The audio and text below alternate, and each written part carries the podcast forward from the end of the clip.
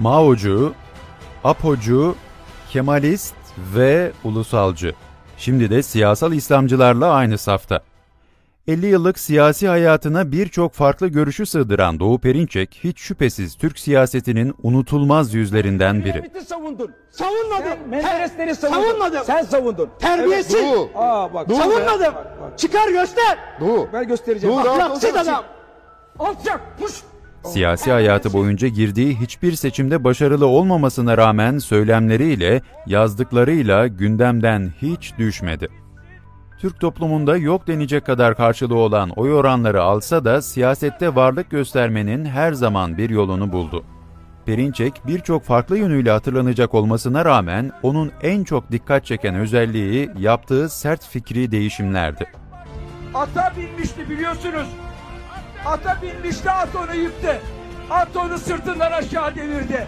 İşte şimdi Türk milleti, Türk milleti bu Tayyip Erdoğanları Amerikan bomb görevlilerini sırtından atıyor. Sadece siyasi düşüncelerini değil, yola çıktığı arkadaşlarını da değiştirmekten geri durmadı.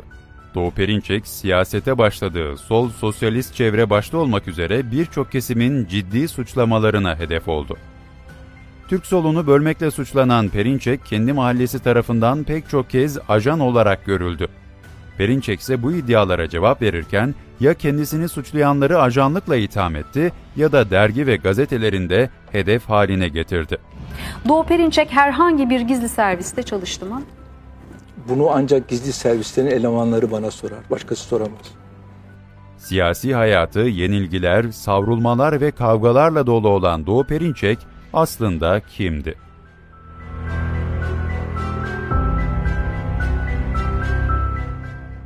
...1942 yılında Gaziantep'te doğan Doğu Perinçek, siyaset ve bürokraside etkin bir ailenin ferdi olarak büyüdü.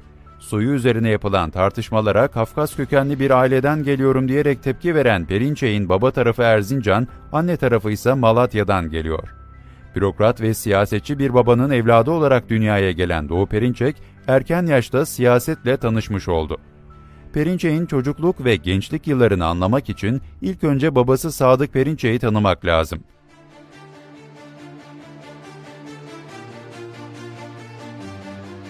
Baba Sadık Perinçek, Anadolu'da birçok yerde hakimlik yaptıktan sonra Yargıtay'da görev aldı.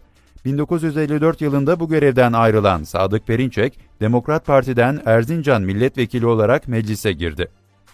Partide yaptığı iç muhalefet nedeniyle Adnan Menderes'le Yıldız'ı hiç barışmadı. 27 Mayıs darbesini çok iyi oldu, başka çaresi yoktu diyerek savunan Sadık Perinçek, Adnan Menderes'in avukatlığını yapmayı da reddetti. Daha sonra yine sağ partilerden vekil seçilen, hatta Adalet Partisi'nde genel başkan yardımcılığına kadar yükselen Baba Perinçek, oğlunun şiddet olaylarına karışmasıyla görevini bırakmak zorunda kaldı. Doğu Perinçek'in sadece babası değil, anne tarafı olan Olcaytolar da bürokrasinin içindeydi. Dayısı Tümgeneral Turhan Olcayto, 12 Mart muhtırası öncesi etkin isimler arasında yer alıyordu. Meşhur cuntacı Tümgeneral Cemal Madanoğlu ise ilk eşi Sırma Ersanlı'nın eniştesiydi. Perinçek adeta bürokratik ve siyasi bağlantılarla donanmıştı. Sadece akrabaları değil, üniversite zamanında yanında bulunan arkadaşları da önemli görevlere gelecekti. Üniversite arkadaşlarından Miktat Alpay MİT Müsteşar Yardımcısı olacak, sonradan yollara ayrılacak olan Uğur Mumcu ise ünlü bir gazeteci olacaktı.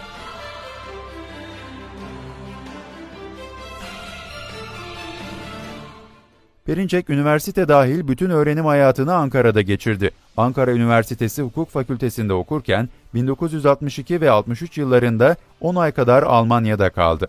Hayatının ilk kör noktası da burada oluştu.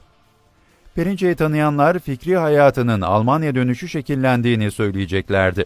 Perinçek artık sosyalist hareketin içinde yer alıyor, bir gün gerçekleşecek olan devrimin hayallerini kuruyordu. 1964 yılında Ankara Üniversitesi Hukuk Fakültesinden mezun olan Perinçek, aynı fakültede doktorasını yaptı. Parti kurmayı adeta sevda haline getiren Perinçek'in doktora tez konusu ise Türkiye'de siyasi partilerin iç düzeni ve yasaklanması rejimiydi. Perinçek, siyasi düşüncelerini eyleme dökmek için 6 milletvekiliyle meclise giren Türkiye İşçi Partisi içinde görev alıyordu. Partinin başında Mehmet Ali Aybar ve Behice Boran gibi solun meşhur isimleri vardı. Meclise girerek siyaset yapan tip, sol fraksiyonlar içinde en büyük rakibi olan Mihri Belli'nin Milli Demokrat Devrim tarafından ağır eleştirilerine hedef oluyordu. Perinçek ise bu fırsatı kaçırmıyor, MDD'ye karşı müstahar isimli yazılar yazıyordu. Bu yazılar Perinçek'i genç yaşta önemli bir pozisyona gelmesine yardımcı oldu. Tipin kurucularından Mehmet Ali Aybar, Perinçek'i 1965 yılında kurulan Fikir Kulüpleri Federasyonu'nun başına getirdi. Sosyalist öğrencilerin en önemli örgütlenmesi olan PKF'nin başkanı artık Doğu Perinçek'ti. 68 kuşağıyla dünyada sert esen sol rüzgar, Türkiye'de de oldukça etkiliydi. Sol rüzgarı arkasına alan Doğu Perinçek, Türkiye'de bu zamana kadar az görülmüş üniversite işgallerini ve büyük öğrenci eylemlerini yönlendiren isim oldu.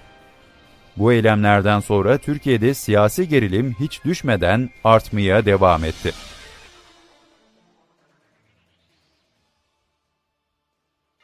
9 Mart 1971 yılında yapılacak başarısız darbe girişimine giden yolun taşları bu zamanda döşenmeye başlandı. Sol sosyalist tabanlı Bağız tarzı bir yönetim hedefleyen Cunta'nın sivil ayağında Doğan Avcıoğlu ve İlhan Salçuk gibi dönemin ünlü yazarları da yer aldı. Perinçek yıllar sonra üstüne yapışacak fikri kaymaların ilkini de yine sonradan dev genç olacak FKF'nin başkanlığı sırasında yaptı. Daha önce eleştirdiği aynı zamanda babasının askerlik arkadaşı olan Mihri Belli'nin başında bulunduğu Milli Demokratik Devrim Hareketi'ne yön kırınca başkanlıktan alındı. Perinçek katıldığı yeni fraksiyonda da rahat durmadı, hareket içinde ayrılıkçı bir kol oluşturarak proleter devrimci aydınlığı kurdu. MDD'nin Perinçek tarafından parçalanmasını hazmedemeyen Mihri Belli, Perinçek'e CIA'in Mao'cusu lakabını taktı. Fakat Doğu Perinçek durmuyor, hem fikri hem de hareket olarak Türkiye siyasetinde yer bulmaya çalışıyordu. 1968 yılında Aydınlık Dergisi'ni, 1969 yılında ise Türkiye İhtilalci İşçi Köylü Partisi'ni kurdu. Aydınlığı beraber kurduğu önemli isimler arasında Şahin Alpay, Cengiz Çanlar ve Gün Zileli vardı. Organik bağ olduğu 9 Mart 1971 başarısız darbe girişiminin hemen ardından meydana gelen 12 Mart muhtırası ise Perinçek için zor günlerin başlangıcı oldu.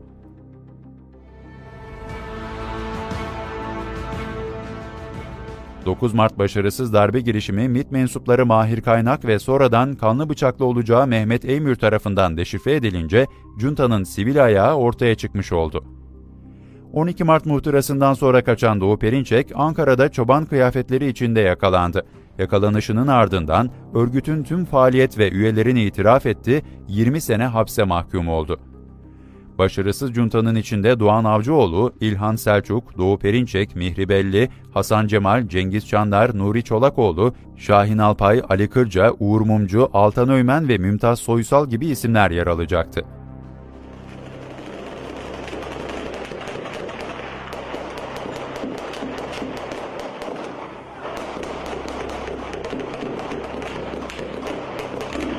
...15 Temmuz sonrası Yeni Kapı'da düzenlenen mitingde Cumhurbaşkanı Erdoğan'la poz veren Perinçek, 9 Mart 1971 günü gerçekleşen darbe girişiminin sivil ayağında yer alıyordu. Muhtıranın ardından Türkiye İhtilalci İşçi Köylü Partisi'ne yönelik Şafak Operasyonu'nda birçok örgüt üyesi ve doküman ele geçirildi. İstanbul'daki örgüt binası ise ilginç bir isme ait olduğu anlaşıldı. Binanın sahibi Robert Koleji'nde çalışan İngiliz uyruklu Hiller Sumderboyd adlı bir profesördü. Örgüt elemanlarıyla birlikte tutuklanan profesör daha sonra serbest kalacak, ailesini de yanına alıp Türkiye'yi terk edecekti. Solu bitirmek için Kutlu Savaş'ta mı aydınlıkçı? kurulmuş bir e, örgüttür.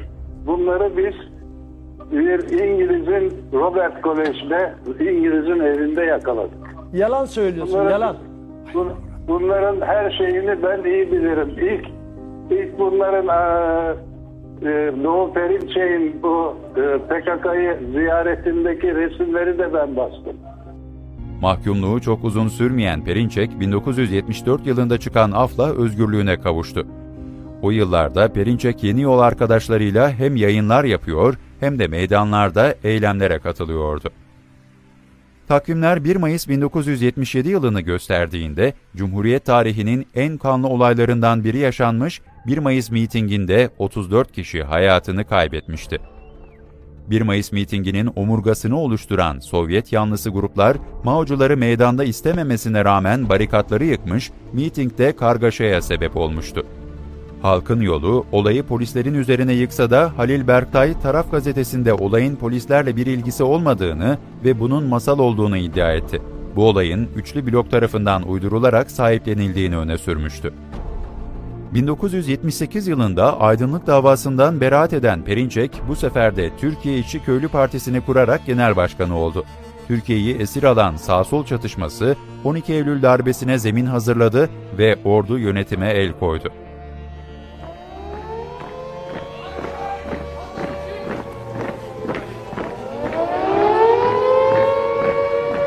Radyo ve televizyon haberlerinde de duyduğunuz gibi ülkemizde mevcut tüm siyasi partiler bugünden geçerli olarak feshedilmişlerdir. Darbenin hemen ardından tutuklanan Doğu Perinçek 1985 yılına kadar hapis yattı. Tekrar serbest kalan Doğu Perinçek 1987 yılında 2000'e doğru dergisini çıkarttı. Dergi çıktığı yıl 1. MIT raporu diye adlandırılacak dosyayı yaparak Türkiye'nin gündemine oturdu.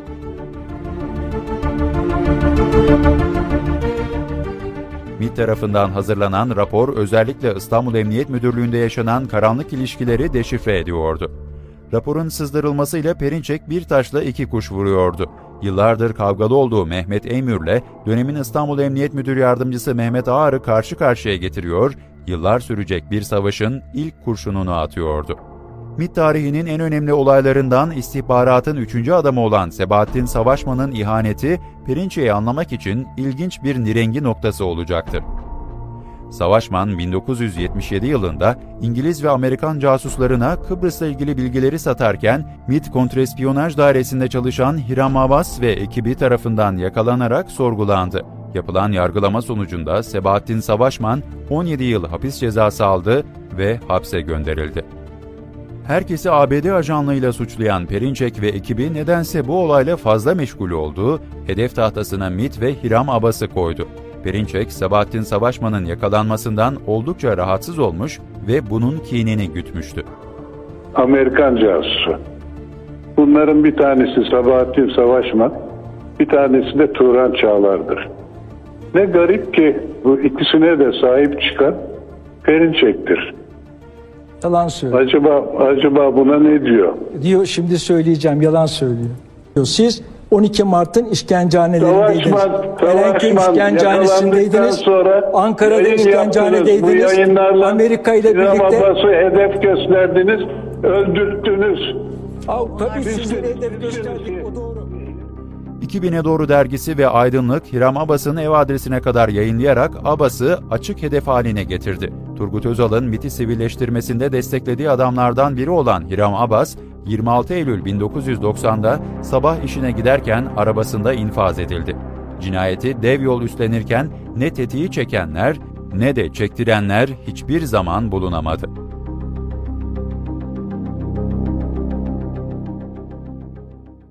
devlet en büyük terörist haline gelmiştir.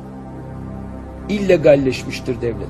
Bu kez yeni adreste eski bir okul arkadaşı vardı. 1972 yılında Perinçek Ankara Hukuk'ta asistanken Abdullah Öcalan da Ankara Siyasal'da öğrenciydi. Mahir Çayan ve arkadaşları Kızıldere'de öldürülünce üniversitelerde büyük eylemler başlamıştı. Ankara Üniversitesi'ndeki eylemin bildirisini yazan Doğu Perinçek, okuyan da Abdullah Öcalan'dı. Sonraki yıllarda Öcalan ve PKK ile sert kavgaya giren Perinçek, aydınlıkta onlar için sert ifadeler kullanıyordu. Yıllar sonra Perinçek ve grubu 180 derece bir dönüş yapıyordu. Bu inanılmaz dönüşün ona siyasette yeni fırsatları açacağına inanıyordu. Ve bugün de devlet kontur gerillasıyla, şusuyla, busuyla bir terör yapmaktadır. Perinçek, gazete ve dergilerinde yaptıkları PKK yanlısı yayınlarla TSK'yı hedef haline getirmekten hiç çekinmiyordu. Türk Silahlı Kuvvetleri için aydınlıkta faşist ordu diyen Perinçek, Türk ordusunun Kürt illerinde soykırım yaptığını iddia ediyordu. Hızını alamayan Perinçek, Beka Vadisi'ne gidecek ve ortaya herkesin bildiği o fotoğraf çıkacaktı. Abdullah Öcalan ve Doğu Perinçek barışmış, birbirlerine çiçek uzatıyorlardı. Perinçek politik değişimler yaşarken karakter değişimine pek uğramıyordu. Ya birilerini hedef gösteriyor ya da toplumun bir kesimini kışkırtıyordu. Türkiye'de birçok karanlık olayın arkasında hep onun ismi çıktı. Bunlardan biri de Sivas'ta meydana gelen katliamdı.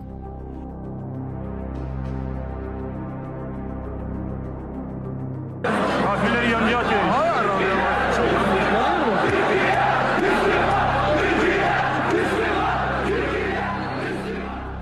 93 yılında meydana gelen Sivas katliamının da sorumlularından biri Doğu Perinçek olduğunu şu sözlerle dile getirecekti. Ee, siz diyorsunuz ki Doğu Perinçek bu işin yapan kişidir, planlayan kişidir. Benim de elimde belgeler var diyor. Belgeden kastınız ne? Belge dediğim e, Aydınlık Gazetesi'nde şeytan ayetlerini e, yayınlaması, hangi dönemde yayınlaması?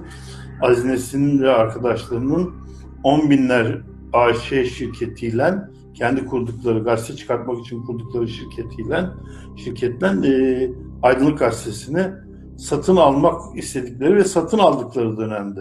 Bu Hı hı. işlemlerin yapıldığı dönemde. Yani gazete Aziz Nesin'inken, gazetenin baş yazarı da Aziz Nesin'ken Doğu Perinçek Aziz Nesin'e haber vermeden böyle bir şey yapıyor. Her 10 yılda bir hapis yatan Perinçek, 90'lı yılları da boş geçmedi. Sansür sürgün kararnamesiyle 1990 yılında Diyarbakır cezaevinde 3 ay hapis yattı. 1991 yılında genel başkan olduğu Sosyalist Parti Anayasa Mahkemesi tarafından kapatıldı. Yine aynı yıllar TRT'de yayınlanan açık oturumda kullandığı ifadeler yüzünden 1999 yılında 10 ay süreyle kalacağı Haymana cezaevine Şimdi- gönderildi. Devlet en büyük terörist haline gelmiştir. İllegalleşmiştir devlet. 90'lı yıllar Türkiye'nin bugün etkili olan yönetim kadrolarının tarih sahnesine çıkış yılıydı. Derin devletin kendi içinde yaşadığı hesaplaşmalarda saflar kayıyor, fikri zeminler yer değiştiriyordu. Tüm akım ve topluluklar değişirken Perinçek ve ekibi yine birinciliği kimseye vermiyordu. Perinçek PKK sevdasından vazgeçerek tekrar TSK saflarına geçiyordu. Teröriste özgürlük yok. Terörist gazete çıkaramaz. Terörist yürüyüş yapamaz. Terörist toplantı yapamaz. Terörist parti kuramaz. Terörist parlamentoya giremez. Sivil ve askeri bürokrasinin dindar kesime baskılarını artırdığı bir dönemde yine fırsatı kaçırmayacaktı. Dönemin şartlarına hemen uyum sağlayacak, içinde hiç bitmeyen din ve dindara karşı nefret söylemi tekrar gün yüzüne çıkacaktı.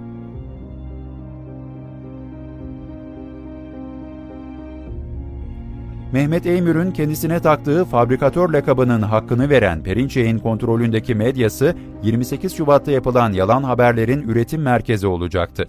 Perinçek'in bu adımları 28 Şubat postmodern darbesine zemin oluşturacaktı.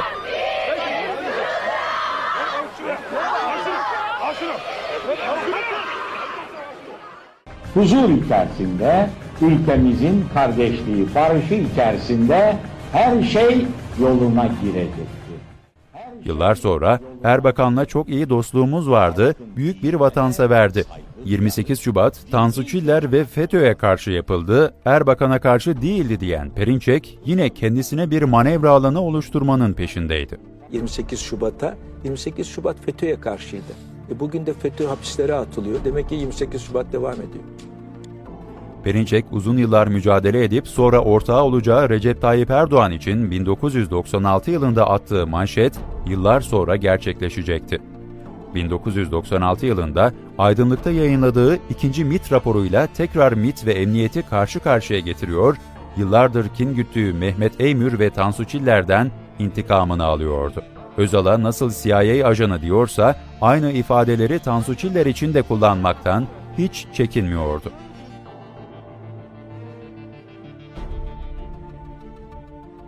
Doğu Perinçek'in siyasi fikirlerinin yanı sıra dış bağlantıları da değişiyordu. Uzun yıllar Sovyet karşıtı görüşleriyle Türk sosyalistlerinin nefretini kazanan Perinçek, Rus Büyükelçi Albert Çerşinev ve Avrasyacı Alexander Dagin'in etkisiyle Türk-Rus işbirliği için büyük çaba sarf etmeye başladı. Atlantik çağının bittiğini ilan ediyorum. Atlantik çağı bitmiştir. Avrasya çağı başlamıştır. Dünya ekonomisinin ağırlığı oraya kaymıştır. Bu görüşleri özellikle Rus uçağının düşürülmesi, Rus büyükelçisinin öldürülmesi, S-400'ler ve Suriye meselelerinde kendini açık edecekti.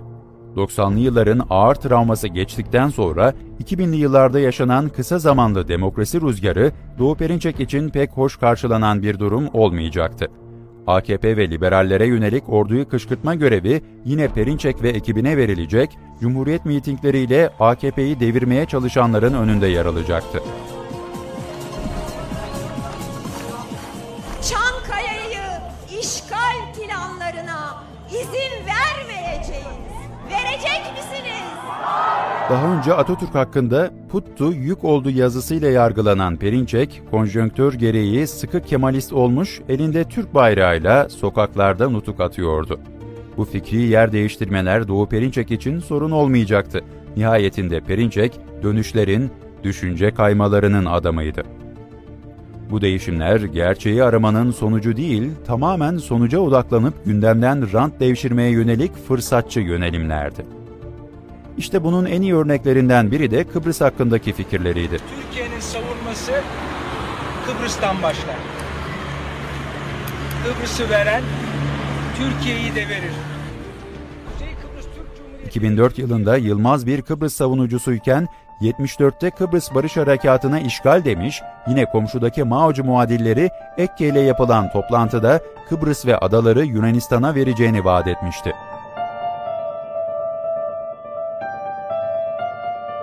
Uzun yıllardır var olan askeri baskının üstüne giden hükümet ve yargı, Türkiye'nin sivilleşmesi adına önemli adımlar atacaktı.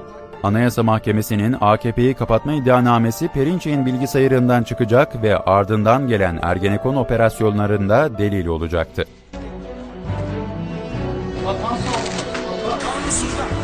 Perinçek, Ergenekon davalarında yöneticilikten yargılanacak ve müebbet hapis cezası alacaktı. Silivri'de tiyatro yok.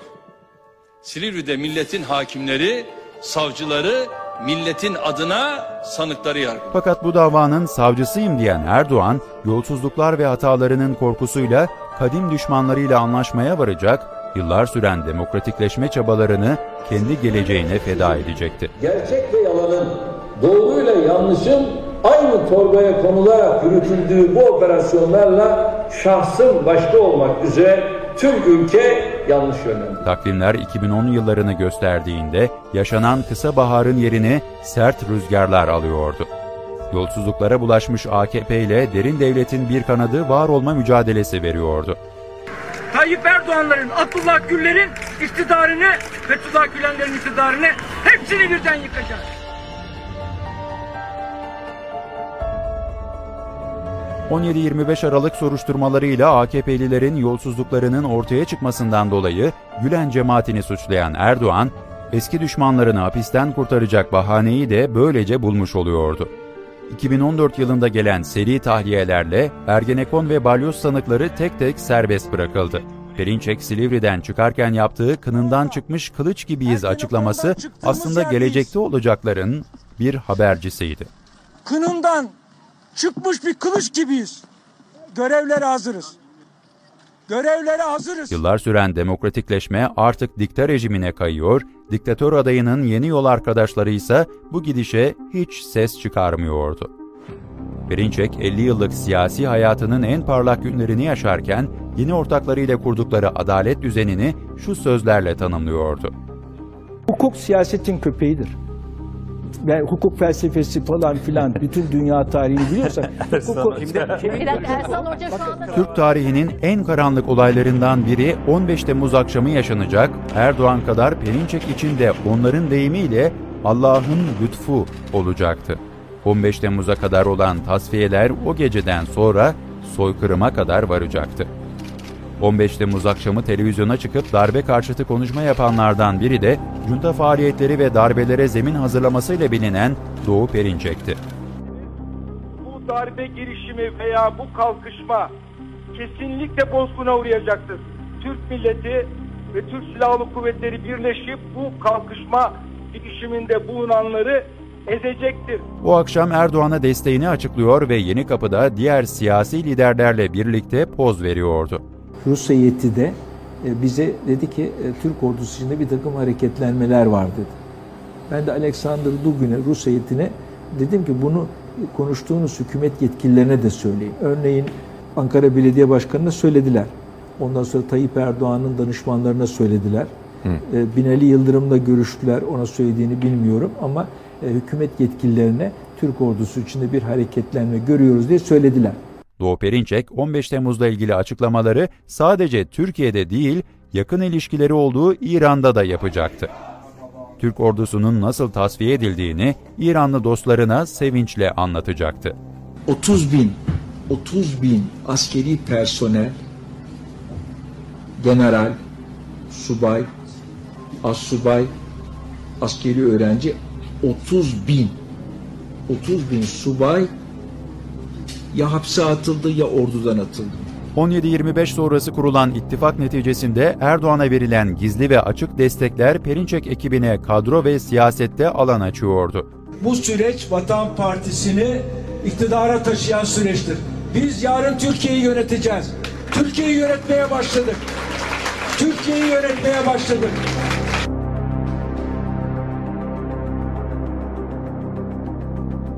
Bugünlerde siyasal İslamcılarla ittifak kursa da İslam'a bakışı hep sorunlu oldu.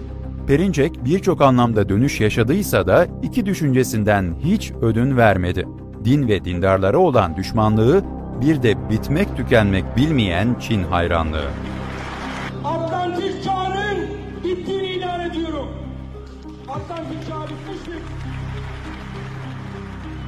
Son bir yıldır dünyada gündem olan Uygur Türklerine toplama kamplarında yapılan işkence ve eziyetler hem hükümet tarafından hem de Perinçek ekibi tarafından görmezden gelindi. Perinçek adeta Fahri Çin Büyükelçisi gibi çalışarak karşı propaganda yapmaktan da geri durmadı. Hatta Uygur Türklerine terörist, Çin'deki toplama kamplarına ise eğitim kurumları benzetmesi yapacaktı. Size 1 milyon Uygur Türk'ü, 1 milyon Uygur Türk'ü toplama kamplarında tutuluyor. Yalan bunlar. Yalan. Baştan aşağı yalan. Ben Y- Y- Yavuz Bey'i de davet ediyorum, Resul Bey'i de davet ediyorum. Emperyalizmin oyunu mu diyorsunuz bunlar? Oyun değil. Nasıl PKK ile ilgili propagandalar var? Beyefendi, PKK'yı şöyle uluslararası. kesiyor ben Türkiye, Bahar böyle kesiyor. Bunlar Bahar yalan. Gideceğim. Onlar aynı bizim köy enstitüleri Gerçekten gibi belli eğitim Çince öğreten, meslek öğreten, eğitim yapan kamplar. Dünyanın büyük bir bölümü yaşananları kınarken AKP hükümeti birkaç milyar dolarlık kredi, Perinçek ise Çin muhipliğinden dolayı olanlara sesini çıkarmayacaktı. Peki bugün birçok noktada benzer düşünen eski düşmanlar nasıl dost olmuştu? Yıllardır kanlı bıçaklı olduğu AKP ile barışması her iki kesimin de adil ve demokrat siyasi çevrede yaşama ihtimalinin olmayışındandı. Tayyip Erdoğan'ların, Abdullah Gül'lerin iktidarını, Fethullah Gülenlerin iktidarını hepsini birden yıkacağız. Kınından çıkmış bir kılıç gibiyiz. Bir daha söylüyorum. Yıllardır seçimlerde yüzde biri bile geçemeyen bir düşünce ancak bazı tarzı bir rejimle ülkeyi yönetebileceğini biliyordu. Bu arzu ki Perinçek'i yıllardır ordu içinde çalışmalar yapmaya itmiş, orduda etkin olmaya çalışmıştı. Birçok emekli general Abdullah Öcalan'a çiçek veren bir parti başkanının elinden tutup havaya kaldıracak, seçimde ona oy isteyecekti. Bunu kısmen başarsa da Ergenekon ve balyoz davalarıyla birçok şey deşifre olmuştu. Artık Türkiye eski Türkiye değildi. Vesayet ve vesayetçiliğe izin vermiyordu. 2000'ler sonrası gelişen Türkiye hem toplumsal barışı bir nebze sağlamış, ekonomiyi de istikrarlı bir seviyeye getirmişti. Fakat bu baharda uzun sürmedi. İktidarı elinde tutan siyasiler, şahsi ikballerini ülkenin geleceğinden üstün tutarak direksiyonu 90'lı yılların karanlık sokaklarına kırmıştı. Geriye ise Perinçek ve AKP arasında yaşanan kavgalarda geçen sert sözler kalmıştı. Cemaat falan açıklamıyor. Yani yıllardır Türkiye'de bütün bunları daha önce biz açıkladık. Biz kasetlerini yayınladık Tayyip Erdoğan'ın. O yüzden e, tutuklandık. Ben ben mahkemede açıkladım.